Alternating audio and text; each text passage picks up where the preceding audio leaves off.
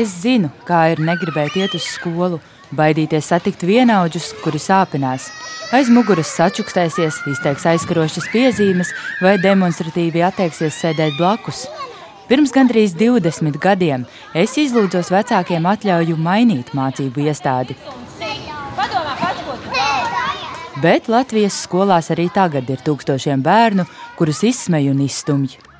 Pandēmija mobbinga problēmu nav atrisinājusi tikai atlikusi uz vēlāku laiku un devusi auglīgu vidi, kur attīstīties kibermobbingam. Kāpēc mūsu skolu vide ir tik nežēlīga un kā to mainīt? Par to nākamajā pusstundā raidījumā Atvērtie faili. Pirmā daļa - kas parastāsts? Par to, kas nebija tik krūts, laikam. Man nebija visi tie jaunākie telefoni, jaunākās tehnoloģijas, podziņu telefonu kādu laiku tur lielu staigāju. 90. gados trešās klases skolēns par podziņu telefonu pat sapņot nevarēja, bet šobrīd tas var kļūt par vienaudžu apspiešanas iemeslu. Kasparam tagad ir 16 gadu. Uz radio māju atnācis mammas pamudināts, cerot, ka sāpīgā pamatskolas pieredze palīdzēs citiem un varbūt kāds ieklausīsies. Tomēr par piedzīvoto runāt ir grūti. Sarunas laikā Kaspars ar rokām ir stingri iekrampējies savas jakas piedurknēs, acu skatiens vēršas grīdā. Viņš bija kroniski pas, pastāvīgs uh, psihologa. Nē, sociālais darbinieks, ja? Jā. Tas viņš savā bija sociālais Bet, bet kurā klasē tas sākās? Trešajā. Un līdz kurai klasē? Sestē. Tad es gāju uz citu skolu. Puiši, meitenes, visi. Puiši pārsvarā. Puiši kaut kādi vairāki no klases? Visi. Un kā viņi tev apcēla? Sita un apsaukāja. Arī sita? Jā. Retāk, bet sita. Skolā vai ar? Skolā. Turpat, kur skolā? Gaitiņos skolotāju priekšā dažreiz. Un skolotājs neko nedarīja. Mm -mm. Kaspars un Dārce ir pārliecināti, ka par notiekošo zināja gan pamatskolas rīdze mācību spēki, gan vadība. Nu. 16 km pāri diviem tiltiem, 34 minūtes, 34. vieta no pāris tūkstošiem. Kad jūtu, ka paliek smagi atcerēties pāri darījumus, parunājam par ko citu, piemēram, riteņbraukšanu. Kasparam patīk braukt ar velosipēdu, viņš pat piedalījies sacensībās. Man vienreiz atnāk tāds sapīts, otrais sapīts, tad paraud kādreiz. Tik ilgi neko nestāstīja, bet nu, kaut kad jau bija. Jā, iešmiets kā citrons, kamēr izstāst, kas tur skolā notiek. Ar sociālo darbinieku mēs diezgan daudz pa telefonu kontaktējāmies. Bet uh, viņi jau neko daudz izdarīt nevar. Kaspars gāja pie viņas, viņa, viņa viņu vismaz uzklausīja. Viņa viņu uzklausīja, uh, nomierināja, cik nu varēja. Ja? Viņa ar viņu runāja reizē, pasauca tos konkrētus pārdarītājus, kaut kādu situāciju izrunāja, dažs kaut kādām, uz kaut kādām pāris dienām, uz nedēļu, divām kaut kāds bišķiņ tā kā pierimstās un nāk kaut pa jaunam aiziet. Bet vismaz viņš pie tā sociālā pedagoga varēja aiziet un paraudāt viņai uz pleca un nu, attiekt drusciņu. Nu. Bet no skolotāja, no pedagoga mēs absolūti nekādu atbalstu nesījām. Absolūti. Apsmiešana sākusies jau otrajā klasē, jo Kasparam nepadevās angļu valoda. Lielākā daļa klases biedru pamatus jau bija apguvuši fakultatīvi bērnu dārzā vai pirmajā klasē, taču tās bija maksas nodarbības. Daci par tām samaksāt nevarēja. Tad skolu skolotāji bija briesmīgākā. Viņa pasīvi apsmēja par to, kas nezināja angļu valodu. Tur, ja kaut ko nesapratu, tev uz klasē aizmugurē lika. Tā kā sēdēt aizmugurē. Ja, ja tu mazāk saprati, jau vairāk uz aizmugurē tev lika. Cik tev bija liela klase? 30 cilvēki. Viens laikam bija puslīdz normāls. Viņš man tā kā man, viņš neapcēla, tā kā viņš no malas vairāk bija, bet viņi dažreiz varēja runāt. Meitenes vispār neko. Viņas malā bija sēdēja. Viņas neko neteica ne skolotājai, ne arī man, ne puišiem. Ar laiku Kaspars vairs nespēja saņemties, lai no rīta dotos uz skolu. Māma pieņēma lēmumu par labu mājmācībai. 7, 8 un 9 klasi Kaspars pabeidza attālināti. Tagad mācās citā skolā, kur jūtas, kā pats saka, normāli. Kaspars iestājies tautas deju kolektīvā, un viņam tas patīk, jo citēju, tur cilvēki ir labi. Es aizgāju uz mācību. Viņš, viņš bija tādā stresā, man tas puika, ka viņš vispār vairs uz skolu, viņš, viņš, viņš, viņš ceļās uz skolu, viņš viņu krata. Viņu krata, viņš sēž, viņš nāk no skolas, viņš raud, viņš uz skolu iet, viņš ir st mūžīgā stresā. Mamma, es negribu dzīvot, es nevienam neesmu vajadzīgs, es esmu nepareizs, man viss neieredz, nu man to vajag. Nu, tas, bija, tas bija nenormāli, vispār nenormāli. Viņš man trīs gadi ja, pēc kārtas. Trīs gadi pēc kārtas viņš bija uh, slimnīcā. Psihoneiroloģiskā slimnīcā. Viņam nāca virsū pilnīgi melniem, man bija baba, un mums ir. Jā, stāstam. Vienu reizi man bija pašnāvības mēģinājums.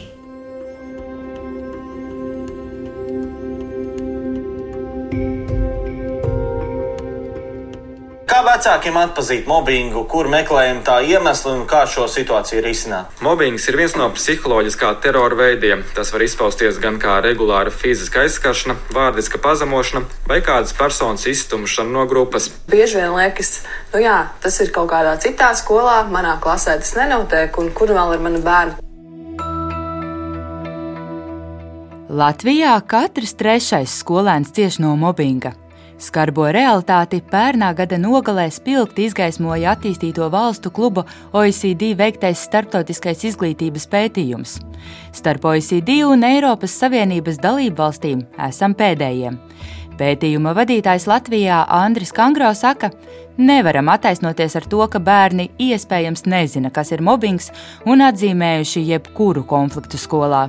Pīza pētījumā 15 gadus vecam skolēnam tiek jautātas šādas lietas, Cik bieži skolā tas ir noticis ar tevi pēdējo 12 mēnešu laikā? Nekad vai gandrīz nekad, dažas reizes gadā, dažas reizes mēnesī, vienu vai vairākas reizes nedēļā. Un tad lūk, šīs daļas šeit pīza pētījumā parasti tiek apvienotas vismaz dažas reizes mēnesī, ja, paņemtas kopā ar šo, vai pat vairākas reizes nedēļā. Tad, tad tas ir bieži, neapšaubāmi bieži. Skolēni iekļauti statistikā, ja atbildējuši apstiprinoši uz vienu vai vairākiem apgalvojumiem par fiziskiem un psiholoģiskiem pārdarījumiem. Tādi bija 35% no aptaujātajiem 15-gadniekiem. OECD valstu vidējais rādītājs ir 23%. Labākus rezultātus, jeb zemāku mobbinga līmeni skolās, demonstrē kaimiņu valsts Lietuva. Savukārt Igaunija noslīdējusi zem vidējā rādītāja, bet Latvijai ierindojusies tabulas apakšā. Mums eh, jāsliktākā situācija ir Filipīnās, Brunejā, Dominikānā, Marokā, Indonēzijā, Jordānijā, tad Krievijā, Tas arī vēl sliktāk par mums. Tad ir Baku, Azerbaidžāna. Tā nav valsts, viņa kā Baku startē tikai pirmo reizi. Malaizija, tad ir Latvija. Tā kā mēs esam sliktākie, diemžēl, no OECD un Eiropas Savienības. Otra daļa - skolu prestižs. Trešajā klasē meiteņu starpā notiek mobbings. Mēs, klases vecāki, meklējam psihologu, un gan jau ka mūsu klase nav vienīgā tāda, un kādai no jums ir pieredze. Vajadzīgs profesionālis. Pirms gada Ineta publicēja šādu ierakstu Facebook domu biedru grupā Atsaucīgo māmiņu fórums. Interneta lietotāji aktīvi iesaka dažādus speciālistus, un vēlāk trešklasnieka mamma ziņo, ka iezīmējies rīcības plāns. Inita izstāstīja dēla klases biedriņu mobbinga stāstu piekrita uzreiz, un visticamāk nebūtu viņas apņēmības, neviens par to klasē tā arī nebūtu runājis. Viss sākās ar to, ka es skolotāju biju apslimusi, un es kopā ar klasi gāju uz jaunā teātra izrādi. Un es atnākot mājās, pēc tam kaut kad sazvanījos ar to tās apbežotās meitenes māti un teicu, o, kādi forši bērni mums īstenībā. Un viņa teica, Nu, nezinu, varbūt puišiem tā ir, meitenēm galīgi tā nav. Un tad viņi izstāstīja, kad, um, ka viņas meitu pirms sporta stundas pārģērboties filmē, un tad bija pārsūtījuši Vācijā viens otram to filmiņu. Un, un, uh, ka viņa ar viņu aizliedz draudzēties kaut kādu tur klases pašizdomātie līderi, nu, meitenes, tieši par meitenēm iet runa, par puišiem nē. Dēla klases biedrene biežāk sākusi slimot, neapmeklēt skolu. Inita sevi dēvēja par mammu lauveni, tāpēc nolēmusi rīkoties. Vispirms uzrunājot klases audzinātāju, taču saņēmusi atbildi, ka mobbinga upuris pati nesot bez vainas. Es saku, nu, ko nozīmē nav bez vainas puse klases? Meitene ir pret viņu, otra puse nedrīkst ar viņu draudzēties. Tagad, nu, kad viņi ir līdzvainīgi situācijā, es saku, nē, tā, tā noteikti nedrīkst būt. Tā, ne, nu, Nu tā, tā neies cauri. Inetas pamudināta cietušās meitenes māma uzrunājusi visu pārējo klases bērnu vecākus, saucot katru pāridarītāju vārdā. Vecāki ar saviem bērniem situāciju izrunājuši, aktīvākie sagādājuši un pie klases durvīm pielikuši informatīvus plakātus par mobbingu, konsultējušies arī ar speciālistiem. Uz brīdi situācija uzlabojās, taču pēc vasaras brīvlaika meitene skolā mācības neatsāka. Viņas māma atsūtīja par to ziņu. Mobbingu neminēja kā iemeslu skolas maiņai, taču Ineta pārliecināta, ka izvēli ietekmēja emocionālais klimats klasē. Es nedomāju, ka viņa bija no tām, kuru apcēla un viņa sēdēja klusiņām stūrītī un raudāja. Viņa bija tā, kas cīnījās pretī visticamāk. Bet eh, nu, tā tā, tas viņai noteikti ir atstājis kaut kādas sekas. Tā skola vispār neko. Jo viņi negrib savus reitingus bojāt. Bet kāpēc viņiem bojātos reitingus? Nu, tāpēc, ka par to sāks runāt. Tāpēc, ka tā ir prestiža skola. Tāpēc, kad ir akreditācija laiks, un tas viss, nu, viņi reāli baidās. Ja, tas jau, manuprāt, notiek jebkurā skolā. Profesors Andris Kangro gan stāsta, skolās, kuru audzēkņi atbildējuši, ka izjutuši biežus pārdarījumus, ir lielāks kavējumu skaits. Tāpat skolēniem, kuriem dara pāri, ir mazāka piederības sajūta izglītības iestādēji un zemāki sasniegumi mācībās.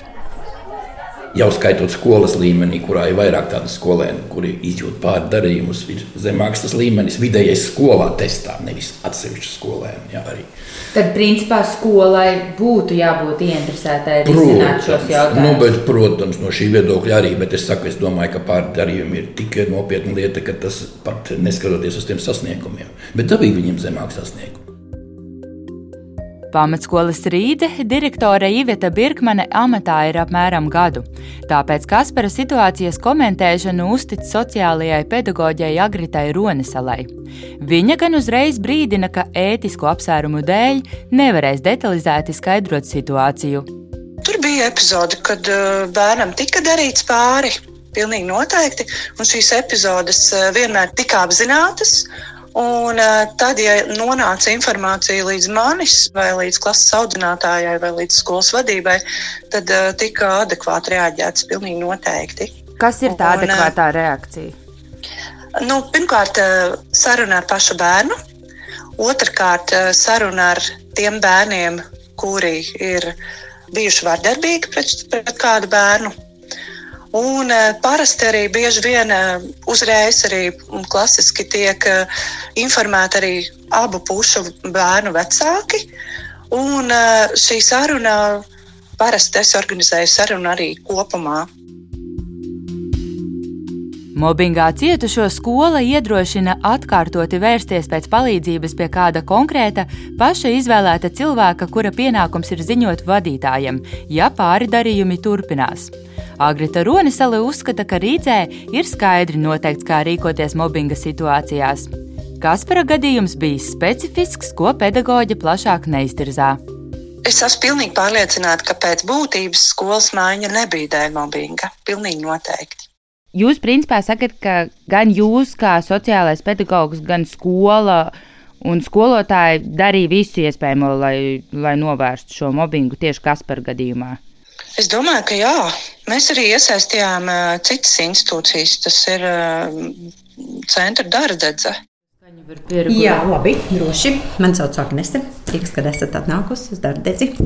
Dārdedzes preventīvā centra vadītāja Agnese Sladzevska stāsta par programmu Drosmi draudzēties, kas, sadarbojoties ar kolēģiem Zviedrijā, izveidota pirms 13 gadiem. Dārdedzes skolām piedāvā dažādas interaktīvas nodarbības, lomu spēles, mobbinga situāciju modelēšanu un iespēju pašiem piedāvāt risinājumus.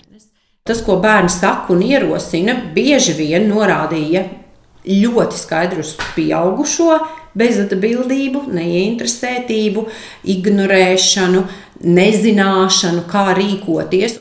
Pieaugušie ir tie, kas nosaka robežas, pieaugušie ir tie, kas savā ziņā uzdod toni kas ir pieņemams un kas nav pieņemams konkrētā vidē. Vislielākā mērā ar savu attieksmi, ar savu uzvedību un ar savu rīcību. Bērnu resursu centra klīniskais psihologs Emīls Udris arī savā praksē novērojis, ka mācību spēki mēdz izlikties neredzam samilzušu problēmu skolēnu vidū. Protams, varētu būt, ka arī paši skolotāji nav īsti interesēti iesaistīties, jo nu, Tas arī ir papildus darbs, papildus iesaistīts. Nu, tā nav viegla situācija, kur risināt. Tur ir jārunā ar vecākiem. Un, nu, kā zināms, skolotājiem ar vecākiem nevienmēr ir tās attiecības labas. Tas ir papildus stress tai visai sistēmai. Stress ir gan, kad tas mobbings ir, gan stress ir, kad kāds pieņem lēmumu to risināt. Trešā daļa - kibermobbings.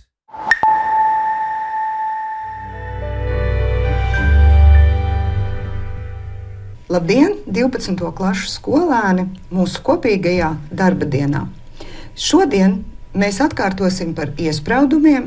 Labdien! Laipni aicināts 6. klases latviešu valodas stundā. Martā pandēmija ievieš būtiskas pārmaiņas skolēnu ikdienā. Skolotāju klases priekšā nomaina mācību stundas interneta vidē. Aprīlī sāk raidīt TV kanāls Tava klase. Skolēnai tu izsakoji līdzi un arī tev izdevās uh, saprast, kāda ir tā secība, lai iegūtu šo maģisko virsmu. Taču vai attālinātās mācības nozīmē, ka mobbings pazudis? Kaspars saka, tagad varētu būt vieglāk, jo vairs nevar kādu aizskart fiziski. Tikmēr viņa mamma Daci norāda, sociālie tīkli paliek, un virtuālajā vidē var atļauties vairāk viennozīmīgi internets nekur nepazūd. Tas kaut kādā ziņā ir kaut kas, kur mēs vēl vairāk tagad esam iekšā nekā iepriekš, ņemot vērā ārkārtējo situāciju. Saka bērnu resursu centra klīniskais psihologs Emīls Udris. Kibermobbings paliek neatkarīgi no tā, ka bērni netiekas klātienē. Tas pats attiecas arī uz vasaras brīvlaiku.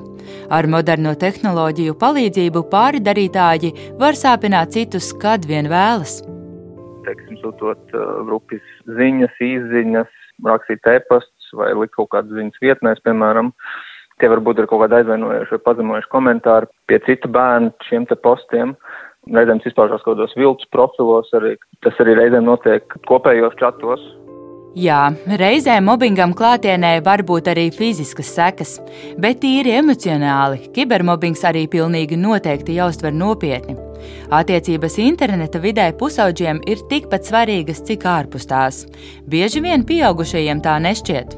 Tas ir kaut kas, ko vajag noteikti vecākiem arī domāt. Ne tikai par šo situāciju, bet vispār domājot dzīvē par to, ka um, ir svarīgi ar bērniem runāt un uzdot jautājumus, vai tu jūties slikti, vai tev ir, nezinu, domas par nāvi kaut vai, jo, teiksim, ir īpaši domā par kaut kādām tādām domām, kas ir jau domas par nāvu vai par mobbingu, kas, kas ir atkal saistīts ar kaut kādu piedarību grupai, cilvēkiem var būt bail, varbūt kauns kaut ko tādu teikt, un tāpēc, kamēr tieši nepajautās, tas var arī nenonākt gaismā, tāpēc ir svarīgi par to tieši runāt. Bērnam jādod laiks, lai viņš būtu gatavs par to runāt. Kontrolēt, atņemot viedierīci, nebūtu prātīgākais risinājums, kā veidot attiecības ģimenē. Psihologs mudina iesaistīt mācību spēkus un citus vecākus, arī ja skolas durvis slēgtas, jo mobbings ir sarežģīta problēma. Ūdris norāda, ka arī pāridarītājs kaut kādā mērā uzskatāms par cietēju. Jādomā arī, protams, par sakni, kāpēc viņš tā dara. Reizēm tā var būt arī pati ģimenes situācija, kas varbūt nav tik labvēlīga. Un varbūt viņš pats ir arī uh, cietējis kaut kādā citā ģimenes situācijā. Tad izskaužot šo faktoru, ka viņš ir cietējis, viņam var zust tā vēlme arī darīt pār kādam citam. Par to liecina arī Initas novērojumi, meklējot problēmas sakni mobbingam trešās klases skolnieču vidū. Manuprāt, mums ir ļoti augstas gaidas no saviem bērniem. Vismaz tās mūsu klases meiteņu kontekstā. Zinot to tēti, kas ir ļoti uzņēmīgs un pats ļoti izdarīgs, viņam ir ļoti augstas gaidas no savas meitas, un viņa savukārt nav labāko skaitā. Un iespējams, ka nu, tad viņi, viņi tiek savā ziņā mobbingoti mājās, un viņai tas stress kaut kur ir jāizliek, un tad viņi viņu atnes uz skolu. Ir vēl kāds būtisks faktors. Pētnieks Andris Kangro norāda uz jauninājumu OECD pētījumā. 2018. gadā tika ieviesta vēl viena jautājumu sadaļa ar mērķi noskaidrot, kā pret mobbingu attiecas bērni, kas tajā nav tieši iesaistīti. Ir labi palīdzēt skolēniem, kuri nespēj sevi aizstāvēt, pievienoties pārdarītājiem. Ir nepareizi. Es jūtos slikti redzot, ka tiek darīts. Man patīk, ka kāds iestājas. Redziet, nu, ir kā jau augsti procenti. Cik lielam vairāk, liel, lielais vairākums skolēnu ja, ir par to, ka tas ir slikti. Nu, bet notiek. Un te ir tie rangi no beigām. 77% atbildējuši, ka jūtas slikti redzot, ka citiem skolēniem tiek darīts pāri. Tīri skaitliski tas nešķiet maz, bet tas jau atkal ir zemākais rādītājs starp visām OECD valstīm, kas nozīmē, ka skolu vide ir salīdzinoši toleranta pret mobbinga situācijām. Psihologs Emīls Udris papildina, ka bieži vien darbs notiek tieši ar tiem, kuri novēro Pat nevienmēr tā pati vardarbība ir tas, kas tiek, um, ir tam varmākam, ja mēs tā varam saukt. Uh, viņu. Ne jau tā darīšana pāri, varbūt tas, kas viņam tieši dod tos iegūmus, bet tas, kad ir citi cilvēki, kas to redz. Un bieži vien kā nu, bērni tiek izglītot par to, ka mēģināt izvairīties no šīm situācijām un nepakļauties tā mobbinga veicēja aicinājumam iesaistīties tajā situācijā. Ceturtā daļa - glābiņš. Agneses atmiņas par dēla pirmajiem soļiem skolā ir ļoti sāpīgas, tāpēc viņa nevēlas publiski runāt par notikušo, bet uztic mums izstāstīt pieredzēto. Dēlam bija runas traucējumi vēl pirms skolas gaitu uzsākšanas, un to viņš ļoti pārdzīvoja. Jau pirmajā klasē zēns nebija par sevi pārliecināts un ātri vien kļuva par apceļamo. Agnesi citē mūsu radio kolēģe. Skolotājs atbalstu iegūt neizdevās ilgā periodā. No skolotājas puses izdevās vien saņemt nosodošu attieksmi par to, ka bērns esot neorganizēts un vēl neskāds pirmajā skolas nedēļā. Viss, ko saņēmām, bija apvainojumi bērna virzienā un piebildes, ka klāt nevar izstāvēt. Arī pēc sarunas ar mācību pārzini nekas nemainījās. Kad otrās klases sākumā saņēmu zvanu no dēla, kurš pārbijies un histērijā raudāja, jo divi puikas turējuši aiz rokām, kamēr trešais sitis pa kājstarpi, sapratu, ka turpināt gaitas šajā skolā dēls nevar. Attīstība varēja būt tikai negatīvā virzienā. Nu jau otro gadu dēls apmeklē privātu mācību iestādi, bet sekas jūtamas joprojām. Pie psihologa un sociālā pedagoga katru mēnesi nāk arī vecāki, lai bērnām mazinātu dusmas un atgūtu vēlmi mācīties. Viena konkrēta brīnumlīdzekļa, kā tikt galā ar pāridarījumiem, nav. Svarīgākais ir visiem skolotājiem, vecākiem kopā ar bērniem par problēmu runāt un meklēt risinājumus kopā, uzskata psihologs Emīls Udris. Visos mūsu minētajos piemēros bērni nomainīja skolu. Psihologs uzskata, ka tas nevienmēr ir glābiņš. Pēc manas pieredzes, parasti tie, tie kas maina skolu, ir tie, kas ir cietuši no mobbinga. Un nokļūstot šajā jaunajā vidē, viņi atkal nosacīti ir šajā ārpus grupas teritorijā. Viņi ienāk jaunā klasē, viņi ir jaunie, viņiem atkal ir jāveido jauni kontakti, jaunas attiecības. Līdz ar to viņi atkal ir tajā riska grupā to, ka viņi varētu tikt, nu, ka viņi varētu nokļūt tajā mobbinga situācijā. Tāpēc mainīt to vidi arī nosacīt var būt riskanti. Ir bērni, kuriem tas palīdz. Turklāt laukos nomainīt skolu var arī nebūt iespējas. Minētais OECD pētījums rāda, ka pāridarījumi ir biežāki tieši mazajās skolās salīdzinot ar lielajām pilsētu skolām.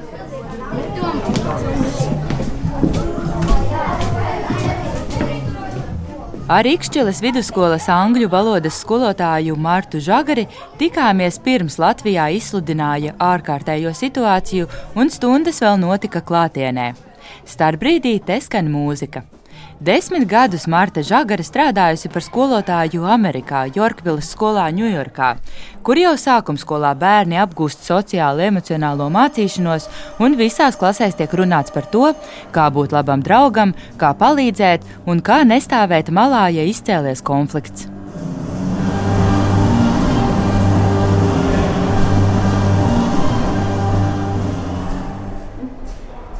Tas ir darbs, tas vismaz jā. Stilīgs.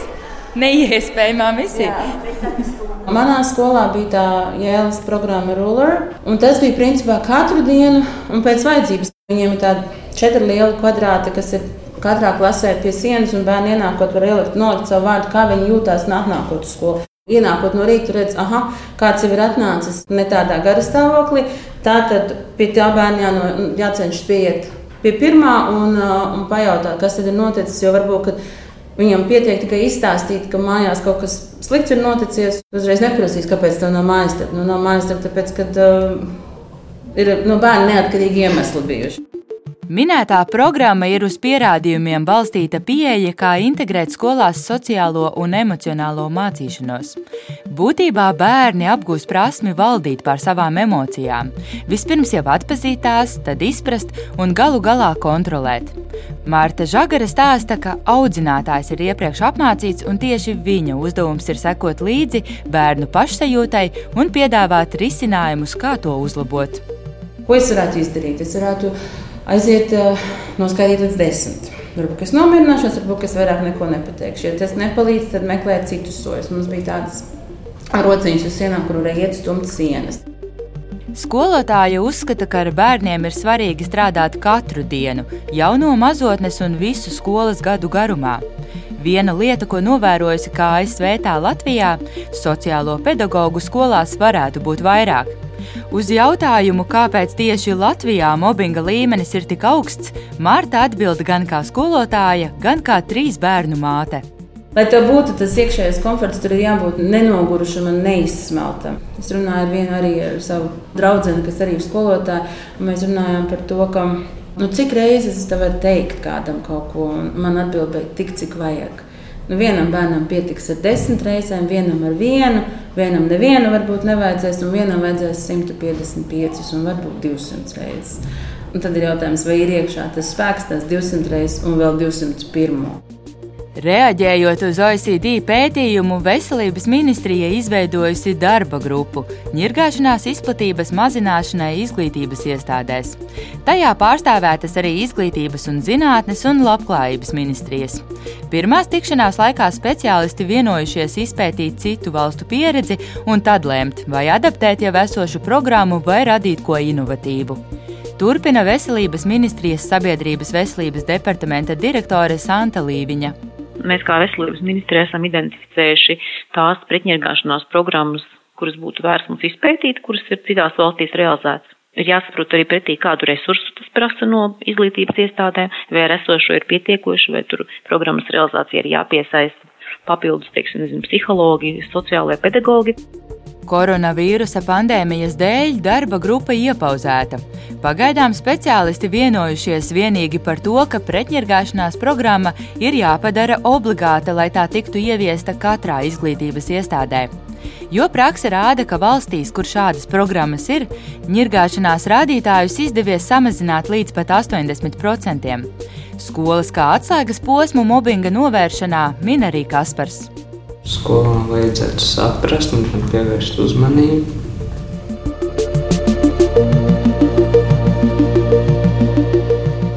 Raidījumu veidoja Baiva Runce, Anita Brauna un Reinis Budze. Klausieties mūs arī populārākajās podkāstu platformās. Atvērtie faili!